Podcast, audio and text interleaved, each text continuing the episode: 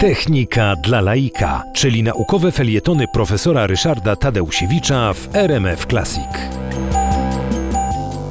Polscy badacze elektryczności, podobnie zresztą jak e, inni e, polscy naukowcy, e, nie mieli w kraju, kraju wtedy znajdującym się pod zaborami, zbyt dobrych warunków do rozwijania badań naukowych. Były co prawda uniwersytety, działał Uniwersytet Krakowski, czyli obecny Jagielloński, działał Uniwersytet w Lwowie, działał Uniwersytet w Warszawie, działał Uniwersytet w Wilnie, ale te wszystkie uczelnie raczej były nastawione na e, cele dydaktyczne, czyli po prostu nauczały. W związku z tym polscy badacze swoje osiągnięcia, czasem zresztą znaczące, e, uzyskiwali za granicą, zresztą pracując z najlepszymi wówczas specjalistami. E, przykładem takiego badacza wędrownika był Kazimierz Olearski z Uniwersytetu Jagiellońskiego, który działał w Berlinie wraz z Hermanem Helmholtzem.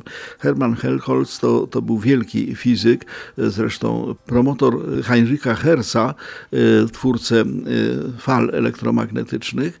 Natomiast y, Olearski badał wspólnie z Hermanem Helmholtzem w Berlinie prąd zmienny. W 1882 roku napisali wspólnie pracę o elektrycznych oscylacjach. Dzisiaj prąd zmienny to coś bardzo oczywistego. Mamy go w gniazdkach. Właśnie prąd zmienny towarzyszy tym moim słowom biegnącym do Państwa. Natomiast w XIX wieku to był e, prąd, który trzeba było wytwarzać drogą wyładowań elektrycznych i w związku z tym jego badanie było o wiele trudniejsze od prądu stałego, który można było uzyskać z baterii. Wobec tego e, Olearski wspólnie z, właśnie z Helmholtzem e, najpierw badał w ogóle te elektryczne oscylacje, a potem napisał w 1884 roku taką bardzo ważną pracę o przejściu prądów zmiennych przez elektrolity. Chodziło o to, że było no, zagadkowe, wtedy niewiadome, w jaki sposób zachowuje się prąd zmienny, przepływając przez różne e, substancje.